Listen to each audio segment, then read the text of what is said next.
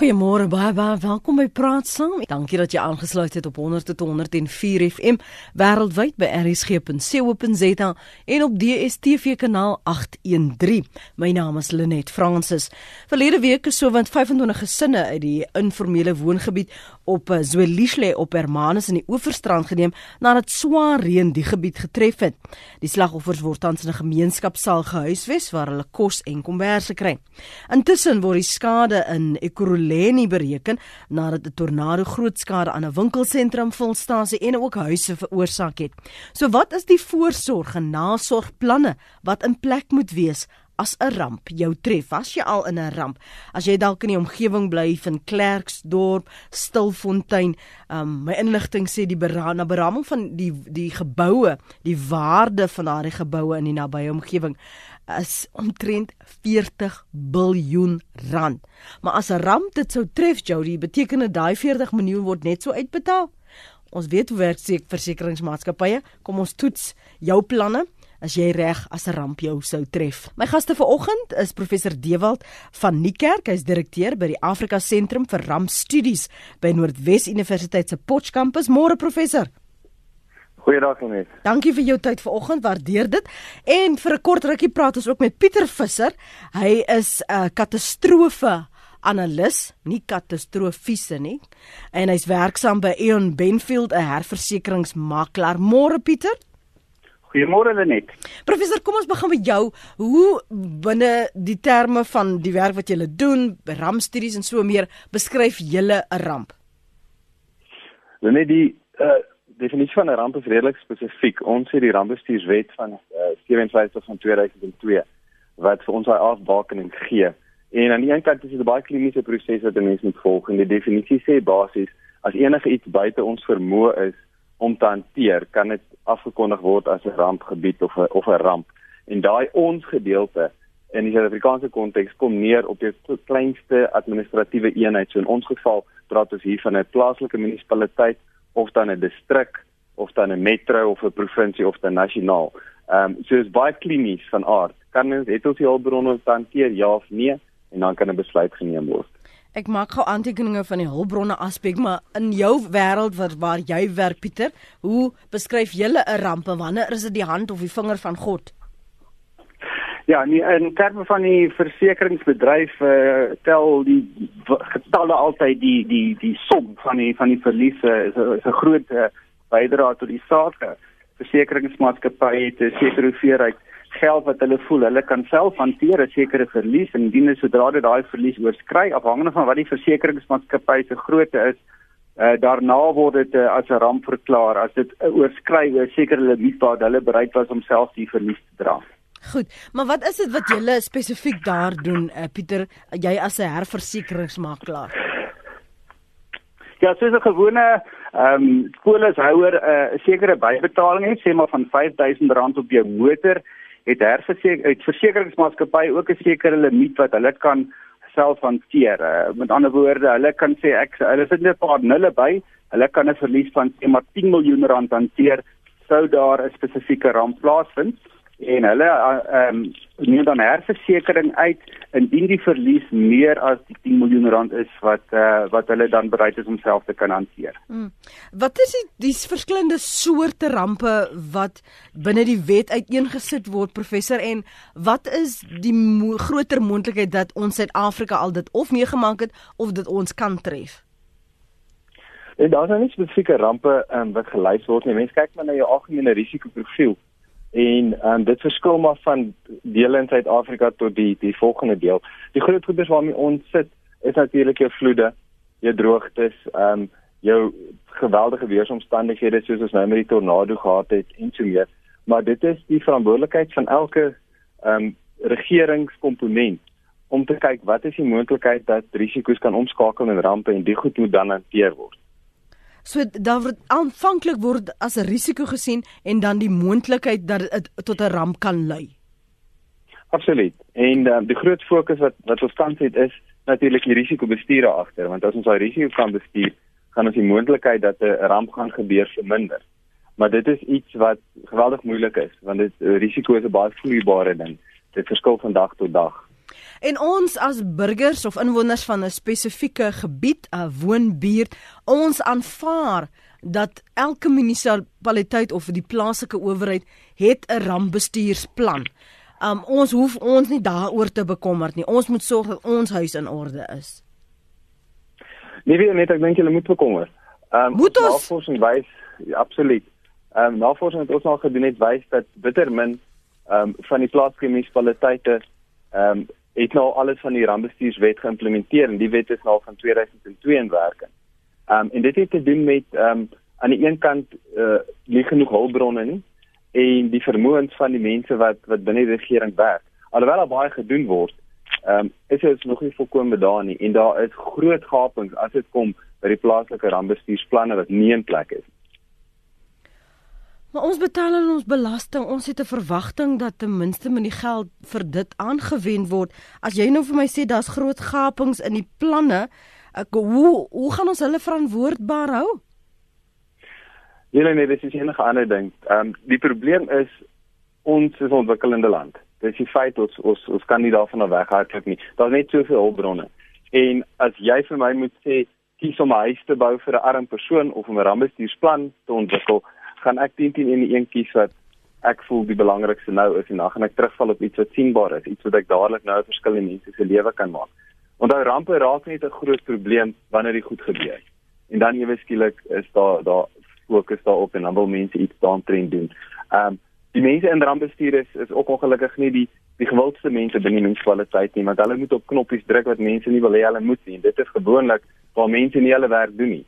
Kom ons kyk na metros. Baie van die die stedelike uh, vloede wat ons kry as gevolg van swak onderhoud van infrastruktuur. Nou met die rampbestuurder gaan hy met vir daai persone in infrastruktuur sê luister jy doen jou werk.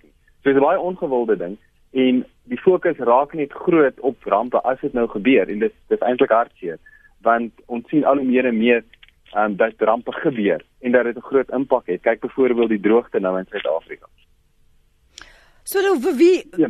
Pieter ekskuus nou vir wie herverseker julle? Praat ons net van versekeringsmaatskappye vir wie julle help die las dra of praat ons van groot maatskappye wat soos 'n munisipaliteit byvoorbeeld?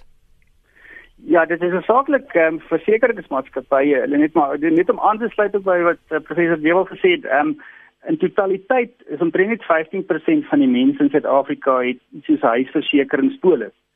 So as ons na die groter konteks wat hy nou ook van genoem het dat omtrent 80% van die bevolking daar buitekant het geen ehm um, ander risiko bestuursmetode tot hom tot sy beskikking op vir finansiële wys en 80% van hulle sit sonder enige versekerings. Ehm um, dit bring eintlik die kwessie daarvan dat eh uh, weet 'n mens moet gaan kyk watser ander metodes ook vir die versekeringsbedryf is dit waardevol as ons ehm um, metodes in plek kan stel waarmee ons skade kan verminder dis byvoorbeeld vir eh, vir vroegtydige voorspellings uh, van hierdie gebeurtenisse dat mense hulle self daarvoor kan voorberei. Um, maar selfs munisipaliteite en en en van die staat spesifiek uh, het hom gewoonlik maar beskou as 'n hy verseker homself.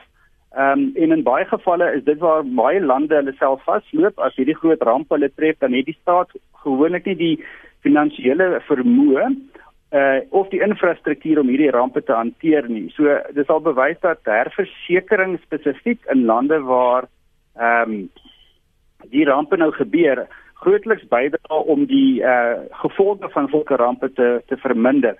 So daar is eintlik 'n rol ook te speel vir die staat in versekerings om te kyk wat wat kan hulle doen om uh die finansiële las dan ligter te maak en uh, sodanig as dit goed gebeur dat hulle dan nou kan um, die finansiële vermoë het om die rampbestuur te kan behartig.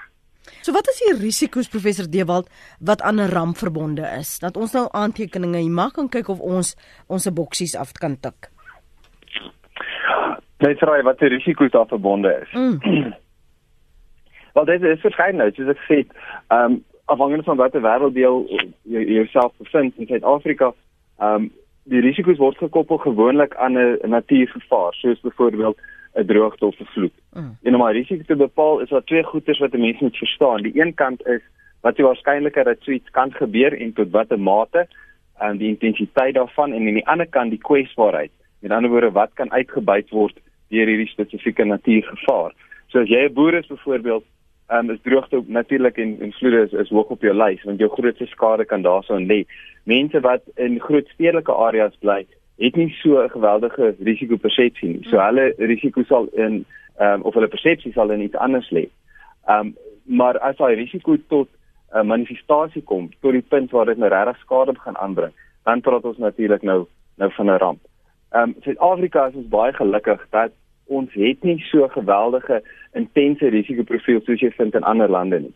Ons het Madagaskar wat hierso aan die ooskus vir ons hierdie fantastiese spons is wat veroorsaak dat die weeromstandighede meer gunstig is in Suid-Afrika ons uh, met 'n lae moontlikheid van aardbewings. Ehm um, maar tog het ons groot goeders wat kan gebeur en wat jaarliks nog steeds gebeur. Jou veldbrande wat wat natuurlik duisende hektaar weiding en en ehm um, verwyse kan verwoes en so meer. So dit dit maar bepaal ons waar jy is en dit is seisoonaal en dit is 'n ding wat ons moet verstaan. Ehm um, dit is ook 'n kwessie van om uh, te kyk na waar waar lê die tekortkominge wat ons as mense kan oorbrug. Ja. Daar's nie veel wat jy kan doen as 'n tornado gebeur nie. Maar wat jy wel kan kyk is wat kan ek doen om te verseker dat ek versagtende omstandighede binne my omgewing inbring. En dit is wat jy op huishoudelike vlak na moet kyk. Ek hoor jou. En byvoorbeeld um, as 'n aardbewing jou ook tref dat wanneer jy 'n huis sou koop dat jy eers moet kyk is daar nie al klaar krakke nie want dit sal net die situasie vererger. Absoluut. Ehm um, ek het baie van die van hierdie groot geologiese tipe gevare is daar ehm um, jare, dekades se uh, navorsing al in. So ons weet waar lê dit. Ons weet waar is die Dolomiet en welkom almal wat in Centurion bly natuurlik. Ons weet waar is die die moontlike lyne waar die ehm um, aardbewing sal gebeur. Uh dit is nie moeilik om om te bepaal nie. Maar wat ons dan moet kyk is as dit net maar kom ons praat van veldbrande in 'n droë seisoen is, wat gaan ons doen om te verseker dat dit nie 'n impak op ons het nie? Hoekom maak ons nie ons voorbrande nie? Hoekom behoort ons nie aan 'n aan 'n so 'n FPA, a Fire Protection Association? Daar's baie goed is reeds in plek wat nie noodwendig net deur ons plaaslike regering gedryf word nie, maar waar die gemeenskap ook betrokke is. En dis waar mense na moet kyk en sê, "Jo, die risiko vir my is te hoog. Kom ek probeer iets daaromtrent doen." Marius, kom ons hoor wat het jy op die hart môre? Môre Lenet en môre aan jou gaste. Uh, Lenet, iets wat vir my verskriklik opvallend is en ek wil by Pieter daarby aansluit is dat die munisipaliteite nie hulle werk doen nie. En ek sê dit spesifiek want ek kyk in die onderontwikkelde areas waar mense bou. Weet Suid-Afrika is 'n land wat oor die algemeen droog is en die mense gaan uh, rig hulle hutte op plekke op waar sodra dit reën dan daai mense knie diep in die water. Hulle doen dit dalk uit onkunde uit, maar wat ek bedoel is die munisipaliteite het tog 'n uh, verantwoordelikheid om vir die mense te sê, luister mense, julle kan nie in 'n rivierbedding gaan bou nie. Daar's sekere vloedlyne wat ehm um, op siklusse uh, uh, hulle hulle hulle, hulle vlakke oorskry en so en jy weet die, die mense doen net niks nie en dan die dag as dit reën en die water stoot op dan is dit nou 'n verskriklike ramp wat regtig verhoed kon word. Hoor jy? Ek hoor jou en nog iets om oor bekommerd te wees. Marius in Noordwes daar. Brandweer rampbestuur het nie hulle eie minister nie. Gesondheid ambulanse het hulle eie minister. Geen standaard by brandweer of rampbestuur nie. Net SABS kodes vir gemeenskapsveiligheid brandweer wet rampbestuur wet. Maar niks wat dit beheer nasionaal nie. Skryf uh, die luisteraar dis ongelukkig nou nie 'n naam nie. Dis op ons SMS lyn 34024 in Port Elizabeth sê die luisteraar die rampbestuur brandweer by munisipaliteite is nie op standaard nie dis 'n feit ek was werksaam daarmee Nog 'n luisteraar sê het nie dekking nie, kan dit nie bekostig nie. 35 jaar vir 'n maatskappy gewerk, pensioen is afgetrek, maar nooit oorbetaal nie, baas oorlede bankrot, geen pensioen. Dan sien Joe huise langs die SA kus begin verspoel en die munisipaliteite gaan nie help nie. Wat gaan dan gedoen word? Waar laat dit daardie inwoners en uh, mense professor? Ja nee, dis is dis 'n baie moeilike vraag want eerstens gaan daar gevra word soos ehm um, Pieter Fees gesê in die versekeringsindustrie ook wat het jy gedoen? Ehm um, dis die eerste vraag. Wat wat as jy nie versekerings uitgeneem het nie dan natuurlik is van niks wat jy gaan uitbetaal nie as jy dit nie kan bekostig nie, wat wat staan jy te maak? Wat moet jy doen? Dis dis 'n bitterlik moeilike vraag om te antwoord want dit is gewoonlik die armste van die armstes wat in hoë risiko areas um, hulle self bevind soos wat um, as ek reg by Marius nou net gesê het. Mm. En baie keer is mense hulle is oorgelaat. Ehm um, jy het nie 'n ander keuse nie. As iemand vir jou sê wel daar's die enigste plek waar jy jouself kan vestig, baie mense vra nie vra nie. Hulle is net te bly om 'n stukkie grond te hê om daar kan ek nou maar vir my uh dit opsit of of wat die geval ook al mag wees. Uh maar dit kom weer eens terug na uh bewusmaking van wat in jou omgewing aangaan. En ehm um, mense is nie lemmings nie. Mense moet ook in 'n omgewing direk rondkyk en self op besluite neem.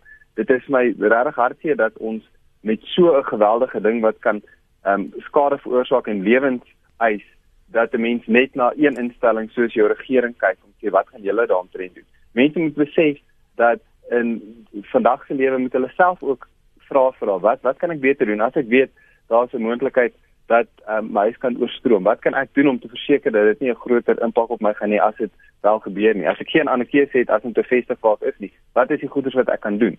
En die mense is innoverende dier. Ons kan werklik waar sekere goeders in plek sit of dan vir hulp vra as 'n mens weet hieso is 'n probleem.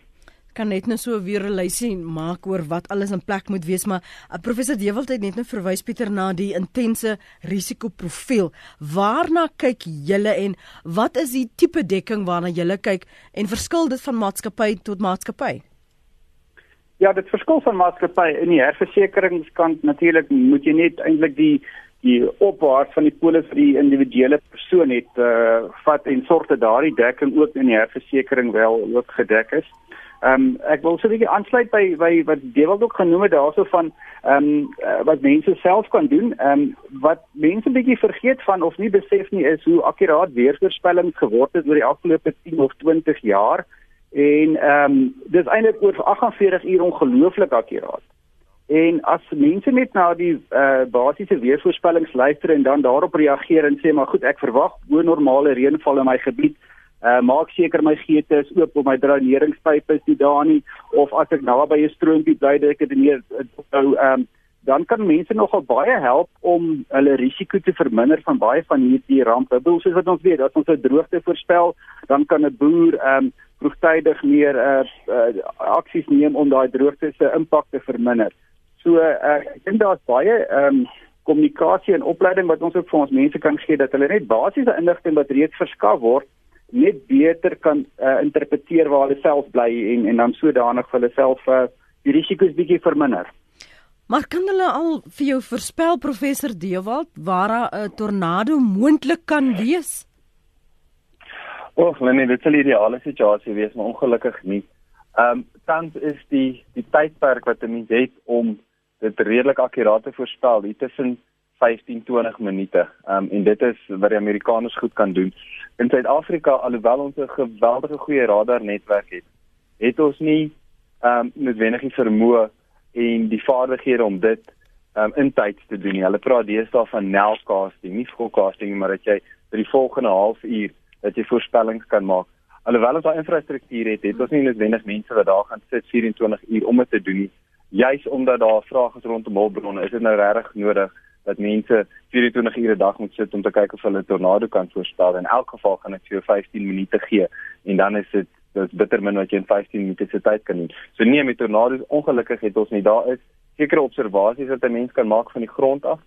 Ehm um, maar dis dis maar as die tornado die grond tref, baie kontak maak, dis natuurlik waar die skade ehm um, meeste skade veroorsaak word en die beste raad is maar net kom maar die ding se pad uit as jy kan En as jy weet dat daar jy in 'n area is wat die goed gaan beleef, want dit is ook maar area gebonde meeste van die tyd, ehm um, is om voorsorg te tref, maak seker dat uh jy jou huis baie beter ehm um, verseker is teen so iets. Ehm um, en dat jy fisiese goederes in plek sit, maak jy dak beter vas byvoorbeeld, ehm um, want dit is tog wat afgeruk word. So dis maar omtrent al wat 'n mens kan doen in daai geval. Ja. Ek Eila wil saamgesels môre Eila. Eila? Uh, môre. Môre. Môre Lenet. Ehm um, in 1948 uh, of 50 was daar oor benou nie brak van 'n tornado en hy trek soos 'n trechter en soos 'n tol. Hy verwoes alles voor jou. So ehm um, die teksture wat vandag gebou word is nie na wense nie. Hy vrommel alles op.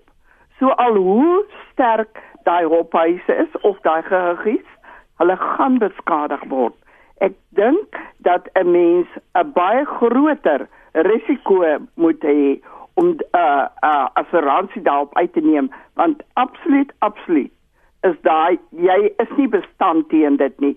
En daai dak van daai mall wat afgewaai is, hmm. ek dink nie dit is na wense gebou nie.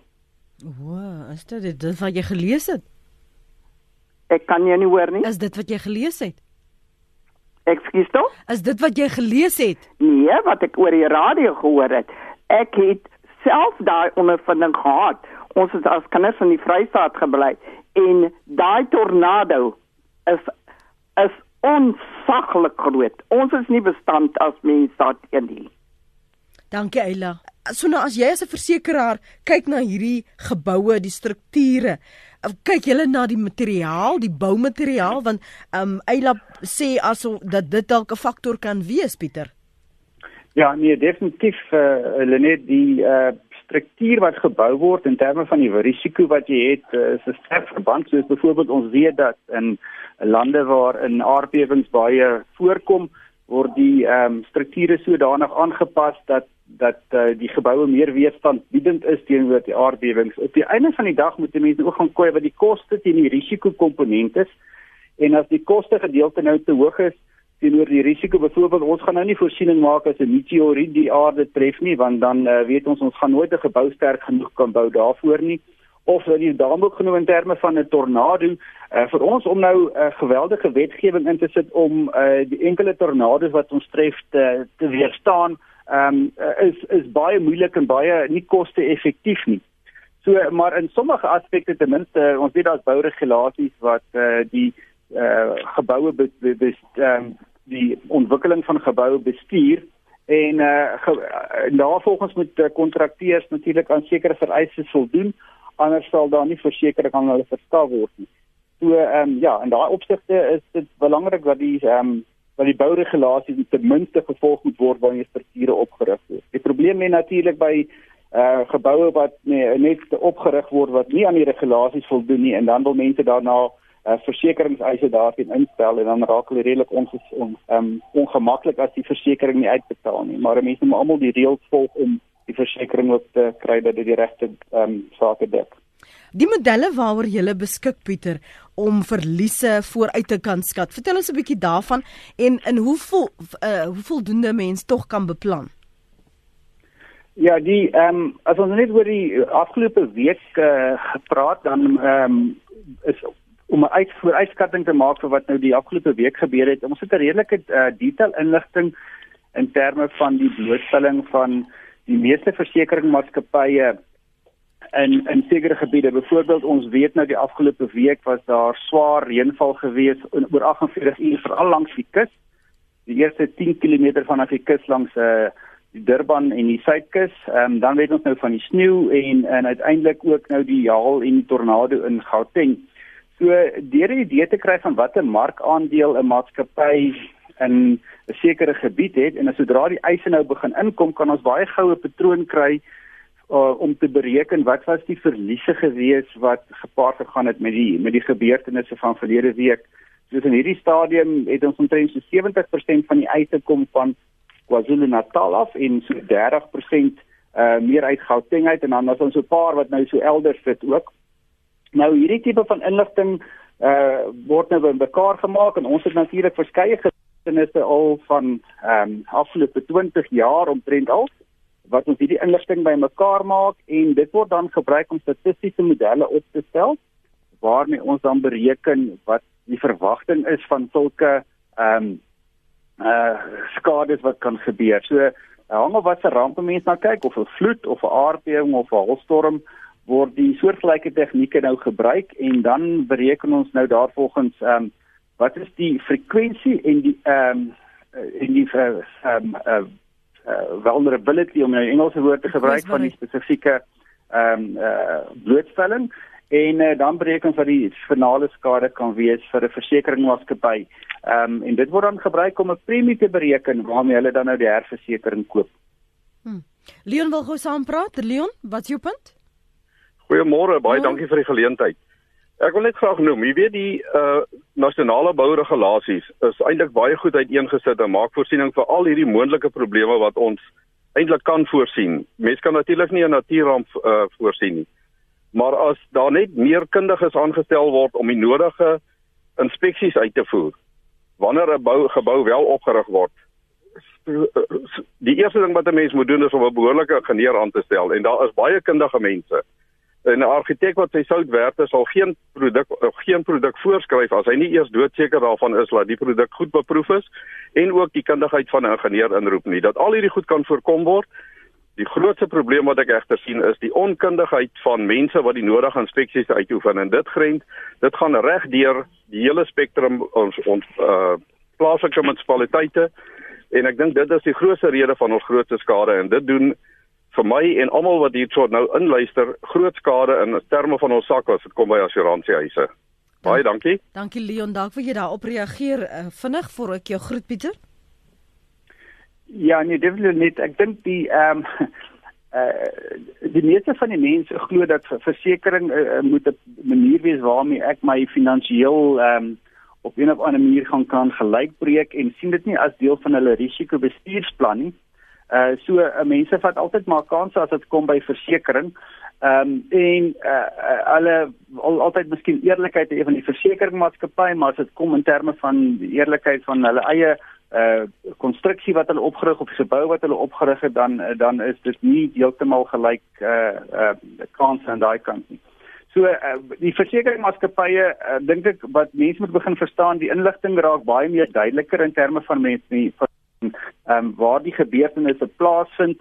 Die eh uh, kontrolemetodes raak al hoe strenger.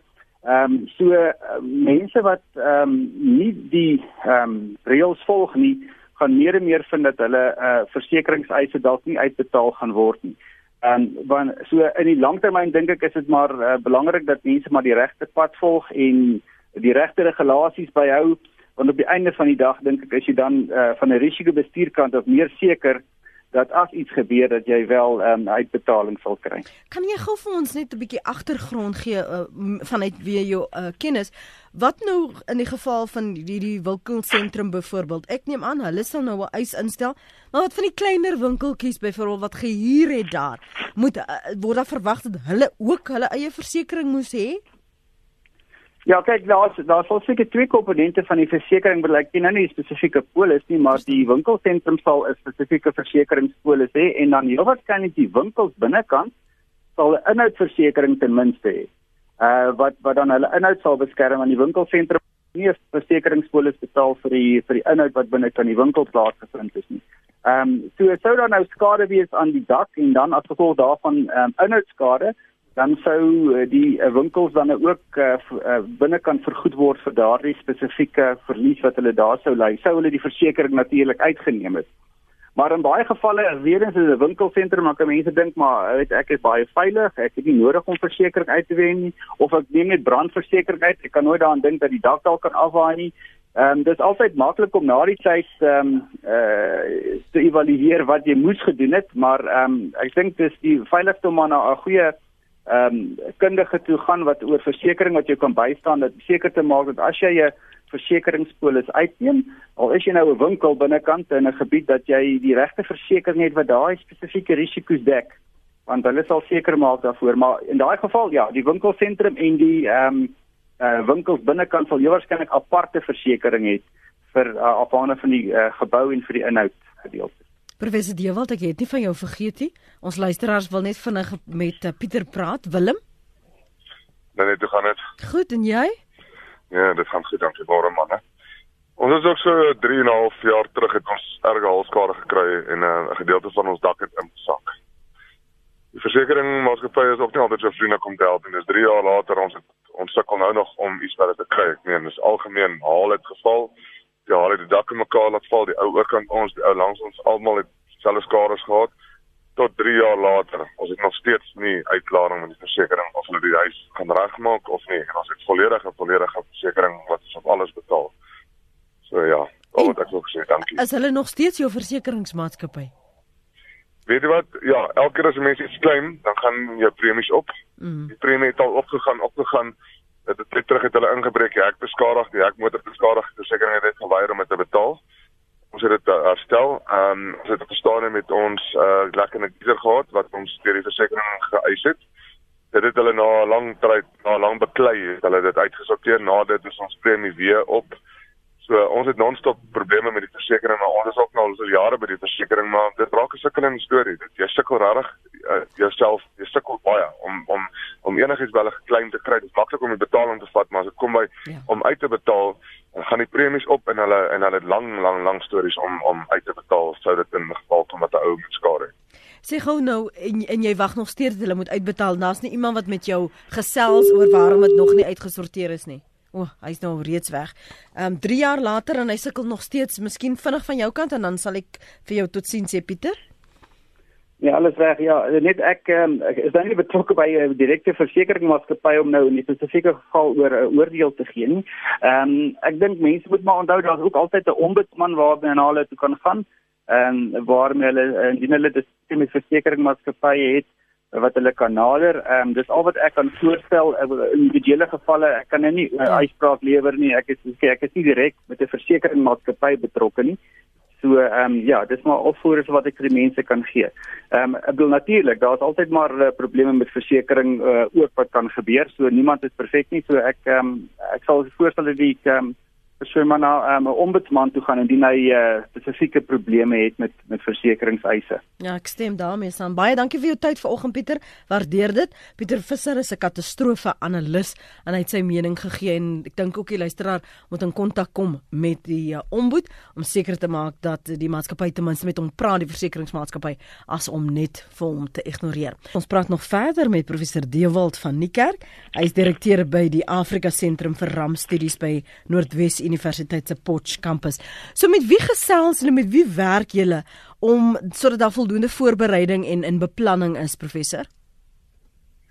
Ons werk met 'n verskeidenheid van mense. Ehm um, baie is natuurlik regeringsinstellings soos jou, jou munisipaliteite en dan die, die verskillende komponente daarin, die raadbestuursentrums wat in plek moet wees op jou distrik vlak en jou metros en dan provinsiaal en so. Ehm um, en dan werk ons ook met 'n verskeidenheid ander mense wat in ander dissiplines sit ehm um, wat elkeen as baie keer hulle eerste tipe reaksieagente iets te doen het binne die rampbestuuromgewing, maar ook uh meer op die langtermyn jou jou ingenieurs, jou ehm um, mense wat verseker dat die infrastruktuur in plek is en so meer. So ons kyk daarna in 'n baie breë perspektief ehm um, om na al die moontlike risiko's te kyk en dan te sien wie moet watter gedeelte van hierdie risiko probeer verminder. Ehm um, en dit is ongelukkig nie net een afdeling se verantwoordelikheid nie. So dis aan die een kant sê ons ja, die plan is nie in plek nie, maar dis ook half onregverdig net om te verwag een instelling binne 'n munisipaliteit vir regering moet dit doen. Hierdie is regtig iets wat almal na moet kyk. En ek dink die gesprek sover het net duidelik gemaak dat daar baie baie rolspelers is wat wat hierby ehm um, betrek moet word vir die persoon op voedselvlak.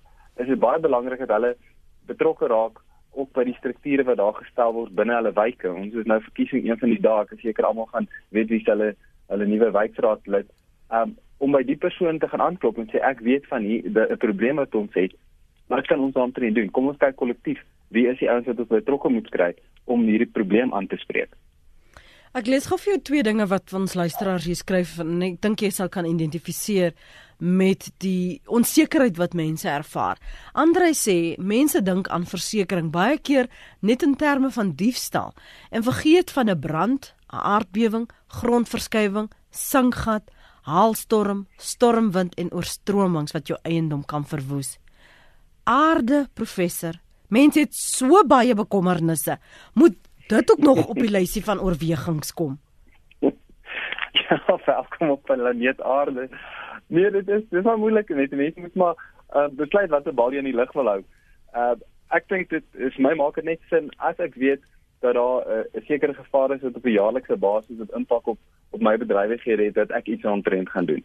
As ek nou weet dat veldbrande 'n probleem waar ek bly of dat um, ek in 'n area bly wat uh, onder dolomiet is, moet ek iets aantrent doen. Dit jy kan nie daardie uh, volstryshouding inslaan nie. Van die goeders kan 'n mens natuurlik nie voorspel nie. Ehm um, as jy op die hoëveld is, kan jy al kry een of ander tyd as jy kan bekostig maak seker jou versekerings in plek by 'n regte plek soos ons sien die vorige luisteraar wat nou 'n bietjie 'n blankie geloop het. Ehm um, maar daar van die goeders is buite jou beheer as dit kom by die natuurgevaar. Maar wat jy as persoon kan doen is sê hoe gaan dit impakteer op my en wat kan ek dan doen? Watter verliese is ek bereid om te neem en watter gaan ek nie? En daaraan kan 'n mens dan ietsie doen. Ek sluit aan by Louise en spring se SMS wat sê niemand het enige beheer oor die elemente van die natuur nie. Hoe op aarde moet mense dan duisende rande betaal net vir die wis of die onwis? Dink daar's baie wat daai benadering deel. Absoluut totdat iets gebeur en dan gaan hulle sê ja, ek wens ek het daai versekeringspremie maar uitgeneem. Ehm um, so ek sê dit dit is maar 'n kwessie van prioriteite. Hoeveel is jy bereid om te betaal vir watter dekking wat jy gaan kry? Ehm um, dit is ek dink persoonlik sal baie dwaas wees om dit nie te doen nie, veral op op van die groot goeder as jy byvoorbeeld die hele huis kan verloor. Wees seker dat daar iets in plek is. Ehm um, ek sal eerder daai bietjie ekstra betaal en miskien afskaal op my DStv as wat ek dit nie doen nie. En iets gebeur en ek verloor alles DStv en kluis. So mense moet regtig begin kyk na hulle persoonlike finansiële bestuur en hierdie goederes ook. Ehm um, want die feit van die saak is ons gaan meer en meer soos wat tyd aangaan, ehm um, ernstige weeromstandighede ehm um, kry uh, in Suid-Afrika. Die goederes gaan baie meer intens raak in terme van ons droogte en vloede. Dis wat die modelle vir ons wys. En ehm um, ek dink ons moet nie dwaas wees en net terugsit en sê wel kom ons kyk net maar wat gebeur nie. Want die kans dat iets gaan gebeur raak al hoe groter. So ons moet eintlik miskien van dan vandag 'n gesprek hê met ons versekeraars, die wat nog versekerings betaal en uitneem en oorweeg wat is die moontlikheid van waar ek bly, die area, um en nie net uh, jy weet lukraak alles net vat vir wat iemand sê wel hier was nou 'n tornado nou moet ons tog net daarvoor voorsorgstrefie. Seer sekerlik jy het net ook gesê daar's tendense sekere areas um laagliggende areas byvoorbeeld um of bewoude uh, areas dan weet jy daar's 'n ander soort risiko wat jy in die gesig staar as jou buurman in by die kus byvoorbeeld. Nee, absoluut. Uh daar is oorgenoeg van hierdie modelle wat relatief akkuraat is wat uitgewerk is deur die versekeringsindustrie um, wat vir jou 'n uh, billike dekking sal kan gee vir waar jy is. Um ek meen hulle kan jou natuurlik nou nie gestaan en uitbuit nie. Um en die ek glo daar's wat daar buite is wat bedoel is om mense te help. Dit is net om die regte een te vind. Die hartjie saak is dat dit is versekerings is, is daai die hulle Engels sê die nice to have. Die mense wat dit nie kan bekostig nie, gaan nie hulle self uh so verleng om om dit wel te doen nie. En dis ongelukkig die gedeelte wat die regering na moet kyk. Um dit is daar waar daar vir hulle 'n uh, 'n aanlangsteken 'n versekeringspremie in plek moet wees. En dit kom meer op jou ordentlike risikobestuur en jou ordentlike beplanning, ontwikkelingsbeplanning wat gedoen moet word. Ek wil net gou seker maak met Jody was daar nog 'n oproep? Die persoon hou nog aan? Nee, ek lyk my ek kan jou maar groet professor. Ehm um, jy het gesê ons moet seker maak dat daar dat die foutlyne wat ons weet waar daar foutlyne is as byvoorbeeld gaan huiskoop dat 'n mens weet en jouself inlig, jy moet die dak stywer vasmaak. Ek weet nie hoe mense dit doen nie, maar ek het dit maar neergeskryf want jy het dit gesê en ek glo jou. Want ons wil ons wil nie ons wil nie ramp ervaar nie want jou hele lewe word binne oomblikke omvergewerp. Ook on, net so rukkie gelede het die die um, substasie naby ons ontplof in die middel van die nag en jy weet nie, ons is sonder krag, dis yskoud. Wat is volgende? Wat gryp jy? Ek het my al die versekeringspolisse en die juweliersware gegryp in die dokumentasie, maar dis moeilike besluite en jy wil nie in daai posisie wees om dan te besluit wat is belangrik nie. Dis reg net. Dis uh, ja, die dak vas maak om terug na daar toe, nee, jy hang wie daai dak vir jou vas maak en wat spykers en wat proef hulle vir jou gaan gebruik. Maar dit elke um, familie moet een of ander plan ten minste in plek hê. Is dit net vir ehm um, waar ontmoet ons mekaar as ons nie as ons nie meer by die huis kan wees nie. Wat is 'n klein noodopkussie wat ons by kan hou wat ons miskien kan gryp met ons dokumente in. En ek dink baie belangrik wat Pieter beklemtoon het, is net om te kyk en te luister. Ehm um, ons het al die inligtingstegnologie tot ons beskikking. Kyk op die selfoon as mense sien hierso is dit lyk of jy erg erg weer op pad is of so. Kyk en luister en en tree doen ooreenkomstig op. Baie dankie professor, waardeer jou insigte vanoggend en ervaring professor Dewald van Niekerk. Hy is direkteur by die Afrika Sentrum vir Rampstudies by Noordwes Universiteit se Potchefstroom kampus en Pieter Visser is 'n katastrofeanalis. Hy's werksaam by Eon Benfield, 'n herversekeringsmakelaar. Luister weer na hierdie praat saam sodat jy net in jou eie kop weet jou voorsorgmaatreëls is in plek om dis altyd beter. Voorsorg is altyd beter as nasorg want na die tyd kan jy dit nie terugkry nie. Die allei wonderlike ehm um, versameling wat ook al hoede of ehm um, teekoppies wat jy nou al so oppas deur die generasies heen. Dan is dit nie meer daar nie. Wat het jy in plek om te verseker dat dit nie net 'n tranedal gaan wees nie. So luister gerus weer na ons praat saam se potgooi by rsg.co.za. Maak seker as 'n plan in plek as 'n ramp julle tref wat jy gaan doen, wat uh, die modus operandi gaan wees, dat daar 'n noodhulptassie is, hoe gaan julle dit hanteer?